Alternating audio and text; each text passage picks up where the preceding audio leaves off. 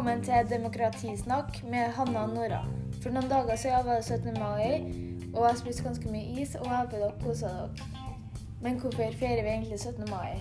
Jo, vi feirer 17. mai fordi at i 1814 så skjedde veldig masse. Blant annet vi fikk vår egen grunnlov.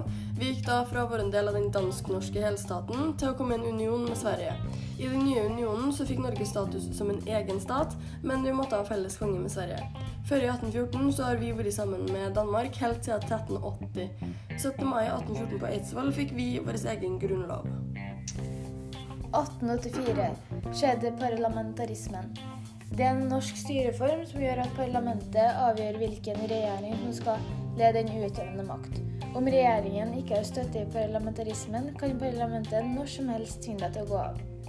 Johan Sverdrup var en av dem som kjempa for all makt som skulle samles inn til debatt i Stortinget.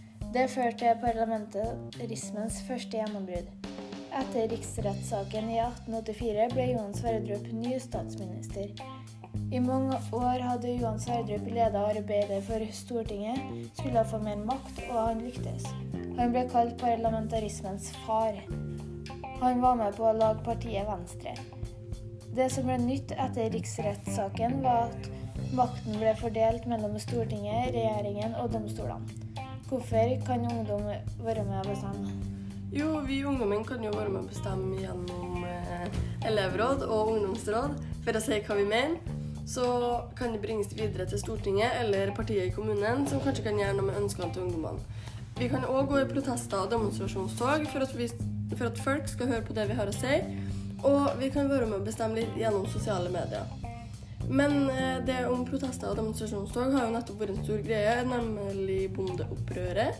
Og bondeopprøret er en stor, stor demonstrasjon som går ut på at bønder har lyst på mer penger fordi at de arbeider veldig masse og gir hele Norge mat, men de får veldig, veldig lite av pengene som faktisk det produktet de lager, får, da.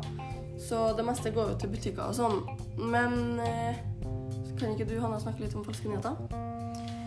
Eh, falske nyheter er ting som ikke er sant, som kan være ute på media eller i aviser eller sånn i utlandet spesielt. da.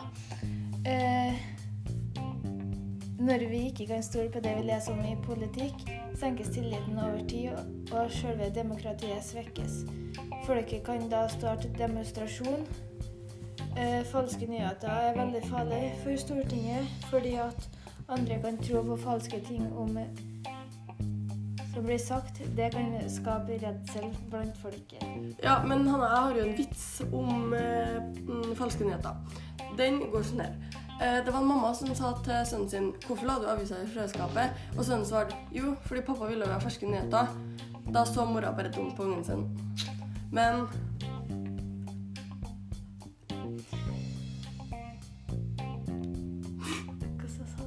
Over og ut.